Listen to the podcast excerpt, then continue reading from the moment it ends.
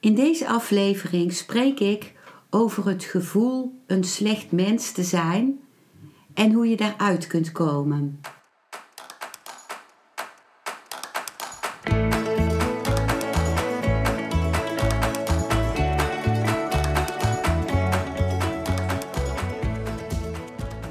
Welkom bij een nieuwe aflevering van Modita's podcast Van Pijn naar Zijn. De podcast waarin ik je meeneem voorbij de pijn in je leven naar wie je diep van binnen bent. Hoe kun je beter omgaan met je gevoelens? Hoe vind je rust in je hoofd? Wat zit er precies achter je pijn? En vooral, hoe kun je steeds meer jezelf zijn? Adem eens diep in en uit. Ik wens je veel luisterplezier.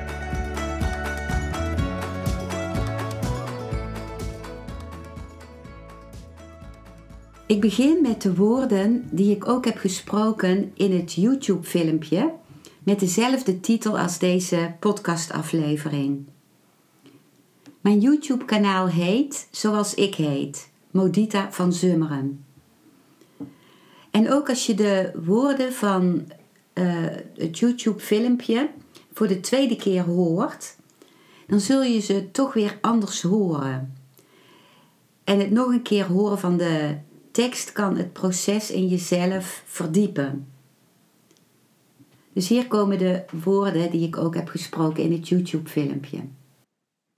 Wat kan helpen om het gevoel dat je een slecht mens bent om te buigen?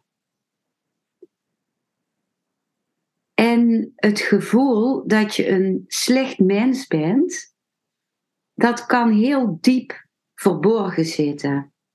Dat kan schuilgaan achter denken dat je het beter weet dan anderen of je helemaal storten op anderen om die te gaan helpen.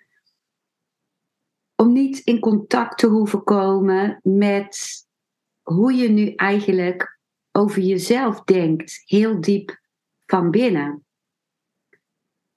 En dat is natuurlijk niet voor iedereen het gevoel dat hij een slecht mens is. Maar wat ik ken van mezelf en wat ik ook heel veel hoor van anderen, is dat ze deep down een beeld van zichzelf hebben dat ze niet voldoen. Dat, ze, dat er iets fout is aan hen. Of dat er iets mist. Of dat je in wezen slecht bent. En sowieso op de achtergrond heeft ook onze invloed van de kerk daarop invloed gehad. Waarin gesproken wordt over de erfzonde, dat we al zondig zijn omdat uh, Adam en Eva fouten hebben gemaakt, helemaal aan het begin van de schepping. Dat is dan het verhaal wat we al als kind leren. Maar wat nog veel wezenlijker is, is dat dit gevoel dat je een slecht mens bent, heel vaak al ontstaat op hele jonge leeftijd. Op een leeftijd van twee jaar of twee en een half jaar. Dan op die leeftijd begin je je, je eigen wil te ontdekken en ga je je uh, grenzen verkennen. Je gaat kijken wat, wat kan ik en uh, je gaat experimenteren. Je probeert een stukje verder van je moeder te gaan of van je opvoeder. En even later kijk je dan om en ren je weer terug, omdat je ook die veiligheid weer nodig hebt. En als jij dan enthousiast ergens over bent, of je bent iets nieuws aan het uitproberen, en je ouder of je opvoeder heeft op dat moment een afwezige blik of is helemaal niet daar voor jou of uh, wijst af wat je aan het doen bent, of kan jouw enthousiasme of jouw blijdschap niet hanteren. Als het kind dan de leegte in de ogen van de ander ziet, of de, de afwijzing of schrik in de ogen van de ouders, als die heel uitbundig is bijvoorbeeld, dan vertaalt het kind dat onmiddellijk naar ik ben slecht. Iets in mij is niet goed, anders zou mijn ouder niet zo afwijzend of leeg of ongeïnteresseerd kijken, of die zou zich niet afwenden van mij. Want het is te bedreigend voor het kind om te denken van, oh, er is iets bij mijn ouder waardoor die niet aanwezig kan zijn. Want dan wordt de ouder zwak in de ogen van het kind en dat geeft een, een doodsangst bij het kind. Want als de ouder zwak is, wie moet er dan nog voor hem of haar zorgen? Dus ogenblikkelijk wordt in het kind die vertaling gemaakt van ik ben een slecht mens. Mijn ouder is per definitie goed en ik ben slecht. En dat is als je twee jaar bent of tweeënhalf jaar, dan is je geheugen waarmee je eh, gebeurtenissen terug kunt halen nog niet ontwikkeld. Maar het impliciete geheugen is wel ontwikkeld. Dat is het geheugen wat verbonden is met je emoties, met je lichaamsgevoelens. Dat is wel aanwezig. En daarin wordt dit opgeslagen. En dan probeert een kind vaak heel erg zijn best te gaan doen. In het werk wat hij gaat kiezen als volwassene of als student, in het studeren of ehm, door anderen te gaan helpen of door een, een poging te ondernemen om de ouders blij te maken, door dansjes te doen, door te gaan zingen.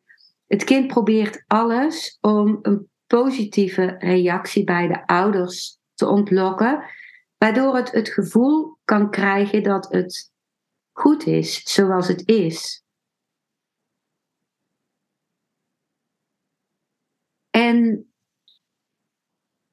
wanneer je eenmaal het gevoel hebt dat je deep down niet goed bent zoals je bent, dat je een slecht mens bent, in je eigen ogen, want je hebt dit nu, wat je van de buitenwereld gespiegeld zag, heb je nu geïnternaliseerd. Dus die stem of die blik van de ander is jouw eigen stem en jouw eigen blik geworden. Dat lijkt het te zijn geworden. Je hebt je daarmee geïdentificeerd. Dan gaat dat zich ook verder doortrekken in je leven. Je trekt bijvoorbeeld mensen aan die jou ook op een bepaalde manier afwijzen. In een poging om in het contact met deze mensen die jou afwijzen, alsnog de goedkeuring te krijgen die je eigenlijk van je ouders had willen hebben. Dus daardoor trek je precies dezelfde mensen aan als de mensen uit jouw gezin van oorsprong, heel vaak. Of je probeert uh, jouw partner of jouw cliënten, als je therapeut bent geworden, te helpen. Waardoor je het gevoel zult krijgen: oh, ik ben een goed mens. En wat ik uit mijn eigen ervaring ken, is dat uh, omdat ik zag dat als ik heel blij en heel uitbundig was, mijn moeder dat niet echt kon ontvangen, omdat zij zoveel pijn en vernedering en heeft meegemaakt in het Japanse concentratiekamp, waarin ze als kind uh, vier jaar heeft gezeten en zoveel mensen heeft zien overlijden. Daardoor kon zij niet helemaal uitbundig zijn en ook mijn uitbundigheid niet helemaal ontvangen.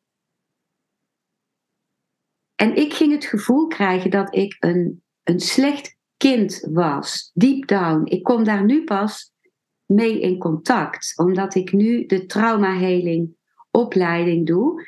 En steeds meer en verfijnder in mezelf ga voelen. En de beelden die ik heb en die voorbij komen, beter ga herkennen. En ook zie hoe ik van daaruit handel.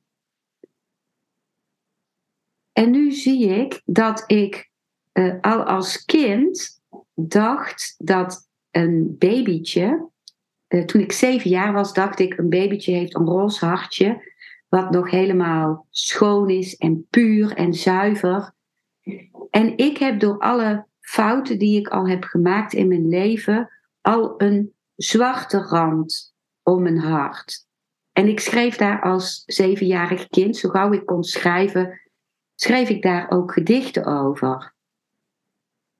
Dat ging over, uh, oh, uh, uh, wezentje, klein babytje, jij hebt het nog goed en jouw hart is nog puur en je weet nog niet wat je allemaal te wachten staat. En ik dacht aan alle keren dat ik bijvoorbeeld mijn moeder niet had geholpen met het opvouwen van de luiers voor mijn jongere zusjes. En hoe alles waarin ik al gefaald had, dat die zwarte rand al had gemaakt om mijn hart, die steeds groter zou worden. En omdat ik, ehm, omdat ik me afsloot van mijn emoties, want dat werd te bedreigend voor mij om te gaan voelen. En ik werd ook niet bevestigd in emoties als woede, dat er die mocht zijn, of in dat er verdriet mocht zijn. Want mijn verdriet hield ik binnen, omdat ik dacht: het verdriet van mijn moeder is groter. En dan voeg ik alleen nog maar pijn aan haar toe. Dus ik ben me af gaan sluiten voor mijn emoties. En daardoor ging mijn omgeving mij in situaties waarin een emotie gevraagd werd, waardoor de omgeving zag wat ik voelde, ging mij dan als hard ervaren. Dus dan zei bijvoorbeeld een zus van mij tegen me van, wat ben je hard? En dan dacht ik, oh ja, dit is inderdaad een harde reactie. Dus het bevestigde voor mij het beeld van dat ik slecht was. En ik had ook uh, glimpen van, toen ik meer ging mediteren, kreeg ik glimpen van, hele korte glimpen van vorige levens, waarin ik ook zag dat ik fouten had gemaakt. Dat ik, uh, om een bepaald ideaal te dienen, dat ik ook uh, um, van mensen offers had gevraagd. Dat ik mensen um, niet vanuit een invoelend vermogen had behandeld, omdat ik dat ideaal voor mijn ogen zag. Dus ook dat bevestigde dan voor mij het gevoel van: ik ben een slecht mens. Deep down heb ik een hele harde kant in me en een, een zelfs een, een, een eh, hele agressieve kant in mij. En een deel van die agressie kwam ook omdat ik me deels heb geïdentificeerd met de slachtoffers uit het concentratiekamp waarin mijn moeder zat. En ook deels met de dader, met de Japanners. Die via uh, mijn identificatie ook gezien en gehoord wilden worden. En nu, eigenlijk nog maar heel recent, merk ik die beelden op en durf ik bij mezelf te kijken van hé, hey, klopt dit wel? En ik ga er dan in mezelf een zin tegenover zetten van ik ben goed, ik ben in wezen goed, mijn intentie is goed. Zelfs van als ik me afsloot en hard was in de ogen van anderen, dan was dat vanuit een bescherming voor mezelf. En die zin, als ik uh, dat die zin denk, dus een nieuwe betekenis, en het beeld van mijzelf als iemand die eh, stralend is, die een goede intentie heeft, die zichzelf lief heeft, die houdt van zichzelf, die zacht is naar zichzelf. Dat geeft een ontspanning in mij en dat verandert mijn hele perspectief op mijzelf. Zelfs herinneringen uit het verleden die naar boven komen van hoe ik ben geweest naar mijn partner, naar mijn zussen, naar mijn ouders. Dat krijgt een nieuwe context. Daarin zie ik ook dat herinneringen geen waarheid zijn. Herinneringen lijken waarheid, maar herinneringen zijn altijd verbonden met je staat van zijn. Als jij in een staat van zijn komt waarin je ontvankelijk bent voor jezelf en zacht bent naar jezelf en je innerlijke goedheid voelt, je, je goede intentie, jouw natuur. En waarbij je zelfs woorden als goed of slecht kunt loslaten, maar gewoon je, je natuur, je, je, je levensenergie voelt, je zijn zoals je bent, dan veranderen ook die herinneringen. Dan, dan kun je zien van, oh, ehm, wat bijvoorbeeld mijn partner naar mij deed, dat was niet aardig. Waar je voorheen misschien ging denken van, oh, die partner deed dat bij mij omdat ik een slecht mens was. Nee, vanuit die andere staat van zijn kun je gaan zien van, dit was gewoon niet leuk wat die ander deed. Vanuit, natuurlijk heeft die ander daar zijn redenen voor en zijn achtergronden, die vaak vanuit het eigen familiesysteem van je partner komen. Maar ik ben dan veel meer gaan zien van, oh, hier is mijn grens. Dit gedrag houdt van de ander houd ik buiten mij en laat ik bij de ander. En het heeft niks met mij te maken. Ik ben wie ik ben en ik ben geen slecht mens. Ik ben een, uh, iemand die goedheid in zich draagt. En met goed bedoel ik de eigen natuur. Daarmee bedoel ik geen waardeoordeel van dit gedrag zou goed zijn en dat gedrag zou slecht zijn. En wat ik merk is dat ik ook in mijn werk niet meer bezig ben met een ander te moeten redden. Ik kan dat niet. Ik heb nu zelf ervaren aan mezelf dat alleen ik die dat omslagpunt kan creëren van uh, mijzelf gaan zien in mijn ware aard, in mijn goede aard. Alleen ik kan dat doen. Het is deep down is het een keuze, maar niet een, een keuze in de zin van positief denken van oh nou mag ik niet meer dat slechte denken, ik mag niet meer denken ik ben een slecht mens. Want wat er gebeurt is als je iets wegdrukt, komt het des te sterker naar boven. Dat stuk wil gezien worden.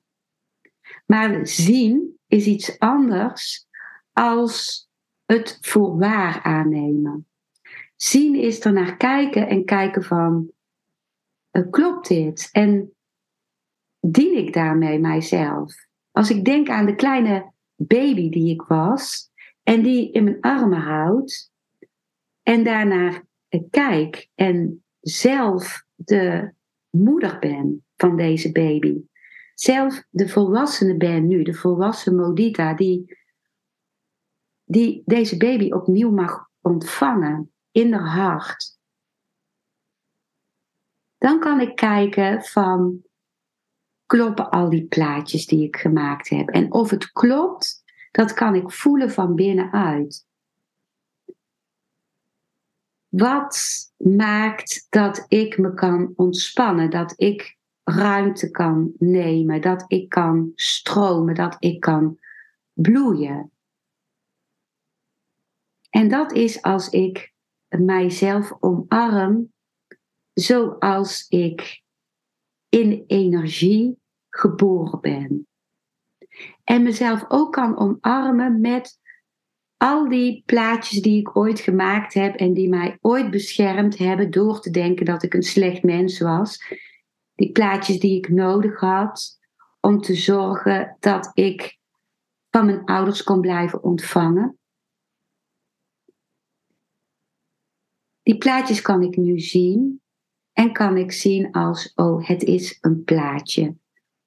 En dit trekt zich door helemaal in mijzelf, omdat ik voel dat ik dit voeding wil blijven geven. Dus ook als ik in bed lig s'nachts en soms wakker lig, dan kijk ik of ik mijn lichaam kan voelen precies zoals het is. Hoe het daar ligt in zijn schoonheid en in de levendigheid van de ademhaling. En ik stel me soms hele zachte lappen of dekens om me heen en zachte kleuren. En steeds als ik merk dat mijn gedachten gaan naar iets wat negatief is, dan weet ik, ik heb een keuze om dit oude beeld vast te houden of me daaraan weer uh, ja, op te trekken. Dat klinkt gek, maar je kunt je optrekken aan een negatief beeld, omdat het je ook een gevoel kan geven dat je iemand bent. Een afkeuring van jezelf of het, het vasthouden aan het lijden voedt het ego. Dan kun je voelen, oh, ik ben iemand, want ik lijd en ik, ik ben slecht. En dat krijgt een heel eigen karakter van, oh, ik kan mezelf slecht noemen. In feite heeft het heel veel te maken met, met ego, met een soort schijnhouvast. Want als jij gewoon natuurlijk bent en van jezelf uh, houdt, in feite bent met jezelf precies zoals je bent, dan ben je niet meer een of ander belangrijk iemand die lijdt of die door allerlei kwellingen heen gaat of die, uh, die uh, anderen moet gaan redden. Nee, dan ben je gewoon jezelf. Dus daar is het loslaten van het ego ook voor nodig.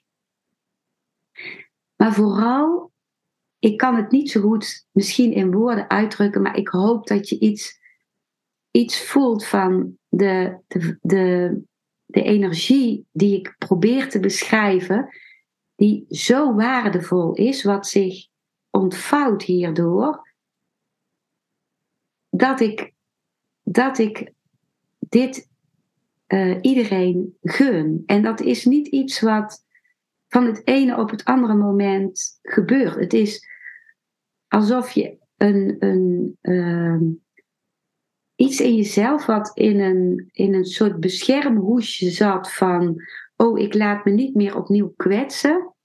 Ik kwets nog liever mezelf door een slecht beeld rondom mezelf te creëren. Dan, dan wijs ik mezelf al af. Dan hoef ik er niet meer op te wachten dat een ander dat nog doet, want doe het zelf al. Is nog een extra bescherming. Dat vergt tijd en zachtheid, vertraging ook, om dat heel langzaam te kunnen laten smelten. En je wordt dan kwetsbaarder, maar zoveel mooier, zoveel vriendelijker. Het is onze taak om weer uit te komen bij die oorspronkelijke energie van de baby in ons en zelfs van voordat ons lichaam ons zich nog maar ging vormen, zich nog maar ging vormen. Dat is de wedergeboorte ook, waar verlichte meesters als Osho het over hebben. Je hebt één keer de geboorte van jezelf als baby. En dat is iets wat aan ons allemaal gebeurt. Daar hoeven we in feite niks voor te doen. Dat was vooral ook het werk voor onze, van onze moeder, die daarvoor haar leven ook op het spel heeft gezet. Dan moeten we ons uh, laten inwijden in alle regels van de maatschappij, waardoor we weer verder weg komen te staan van onze oorspronkelijke energie. En dan is het aan ons om geboorte te geven aan onszelf. Een tweede geboorte. En dat is onze uiteindelijke taak. Dit waren de woorden die ik ook gesproken heb in mijn YouTube-filmpje. Op het moment dat ik deze podcastaflevering opneem, volg ik de Somatic Experiencing opleiding, de trauma helingsopleiding. En wat ik nu zie is dat het gevoel een slecht mens te zijn ook vaak samenhangt met trauma. Hierover vertel ik ook in het YouTube-filmpje hoe trauma kan leiden tot zelfhaat. Bij traumatische gebeurtenissen waarbij we niet konden terugvechten, zoals bijvoorbeeld bij een verkrachting, of waarbij we niet konden vluchten, zoals bij een ongeluk, als we daar gewond liggen op straat of vastzitten, bekneld in een auto, dan kunnen we die energie niet inzetten om terug te vechten of om te vluchten. En dan beschermen we onszelf door in een staat van bevriezing te komen. Dus dan gebruiken we die energie om doodstil te zijn. Dat is het mechanisme dat een dier gebruikt en wat ook bij ons in ons zenuwstelsel verankerd zit.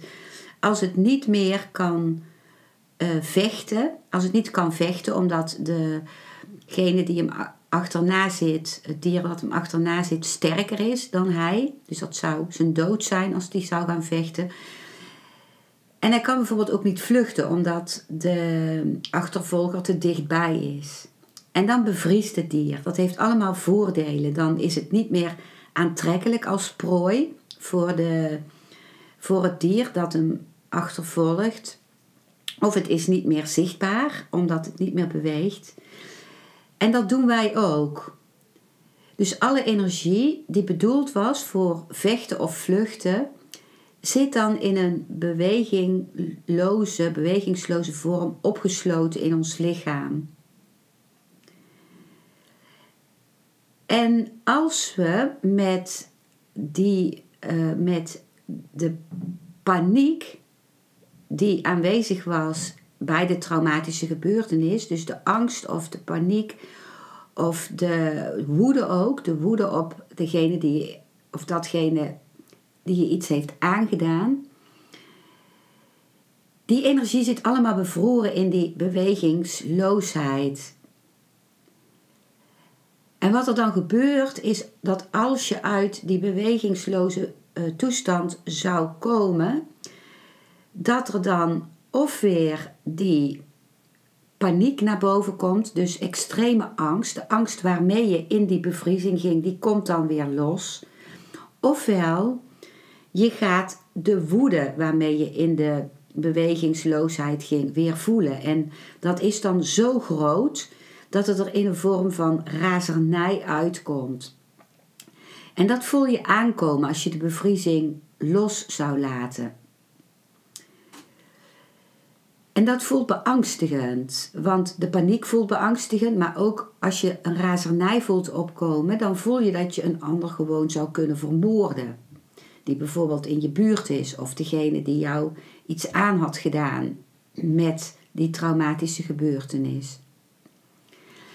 En dat is dan zo beangstigend dat, dat heel vaak gebeurt dat je dan de energie van die razernij onbewust in plaats van naar buiten op een ander naar jezelf gaat richten. En dat wordt dan zelfhaat of minachting van jezelf. Je, je voelt dan, ik ben een slecht mens. Je ervaart ook dat je, wanneer je die agressie voelt opkomen, die zo explosief en zo groot is, dat je dan een slecht mens bent. En om daarmee om te leren gaan, dus om uit die bewegingsloosheid te kunnen komen eh, is het nodig dat iemand je begeleidt. Dat iemand je begeleidt om die bewegingsloosheid te gaan voelen en hem niet meer te koppelen aan angst of paniek. En om die gevoelens van razernij die naar boven gaan komen of van de paniek die naar boven gaan komen, om dat stapsgewijs, druppeltje voor druppeltje te gaan voelen. Om te voorkomen dat het er als iets heel explosiefs uitkomt. Want dat explosieve maakt dat je er nog banger voor wordt en nog verder weer in de bevriezing komt. Dus bij een, na een traumatische gebeurtenis kan het op die manier gebeuren dat die zelfhaat ontstaat doordat je energie die eigenlijk gemobiliseerd wordt en die je naar buiten wilde richten, nu tegen je naar jezelf gaat richten. En als je begeleid wordt in dit proces om die energie die weer naar boven komt, dat is levensenergie vanuit die bevriezing, om die weer in te gaan zetten voor het leven, dan wordt die energie een gezonde agressie, waarmee je dingen kunt bewerkstelligen of uh, dingen kunt creëren. En uh, op, dat kan dan gebeuren op een manier die je plezier geeft en gezondheid geeft.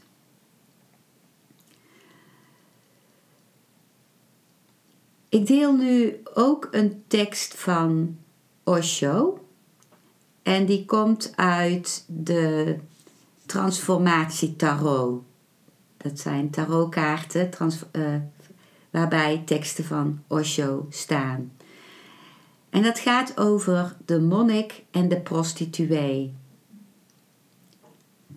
Osho zegt dan: Raak meer gecenterd, word alerter en leef bewuster om het even waar je bent. Je kunt nergens naartoe. Alles wat moet gebeuren, moet binnen jou gebeuren.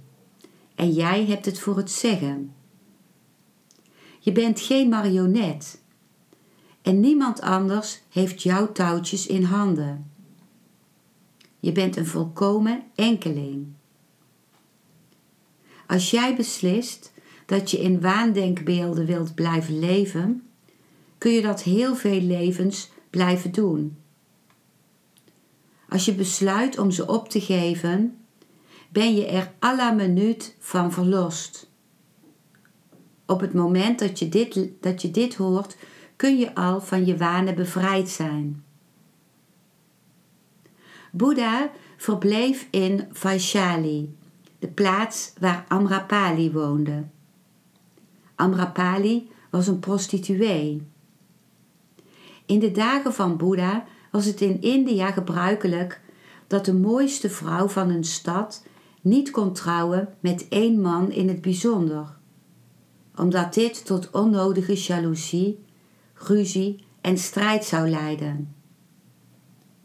De mooiste vrouw diende Nagarvadu, de vrouw van de hele stad te worden. Dat had niets schandelijks. Integendeel, zo'n vrouw stond in hoog aanzien. Zo'n Nagarvadu stond in hoog aanzien. Ze was geen ordinaire hoer. Ze werd alleen bezocht door de heel rijke mensen of door koningen, prinsen, generaals, de hoogste sociale kringen. Amrapali was heel mooi. Op een dag zag ze vanaf haar dakterras een jonge boeddhistische monnik. Ze was nog nooit op iemand verliefd geweest, maar nu werd ze plotseling verliefd op een jonge man, maar indrukwekkend door zijn verschijning, zijn tegenwoordigheid en zijn gratie. Alleen al zijn manier van lopen.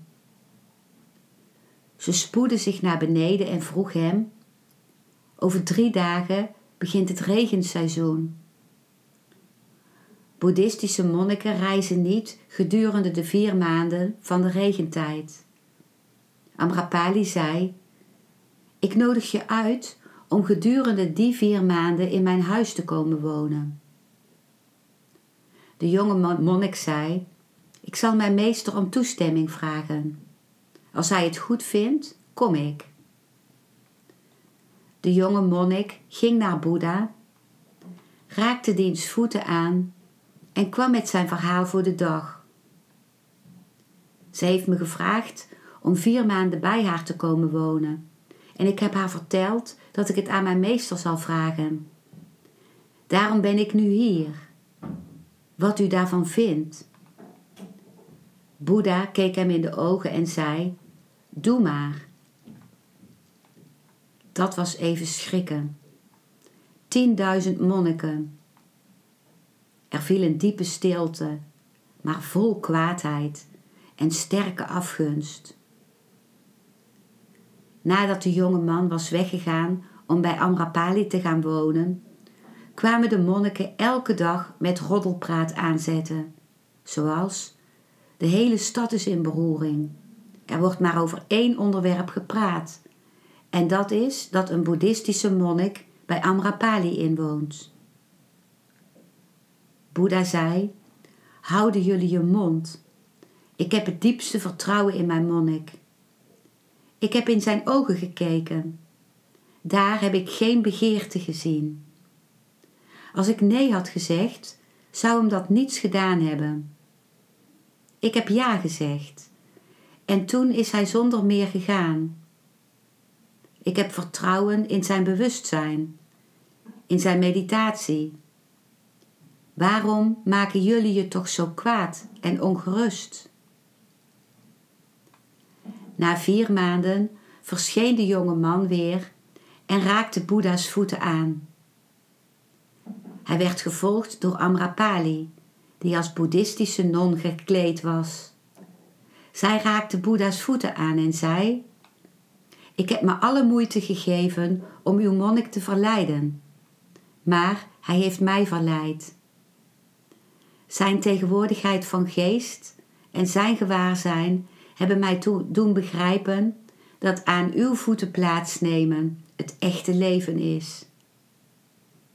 En Boeddha zei tegen de verzamelde discipelen: Wel, zijn jullie nu tevreden?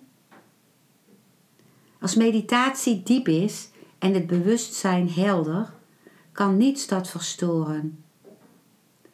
Amrapali werd een van de verlichte vrouwen onder de discipelen van Boeddha. Dit waren de woorden van Osho.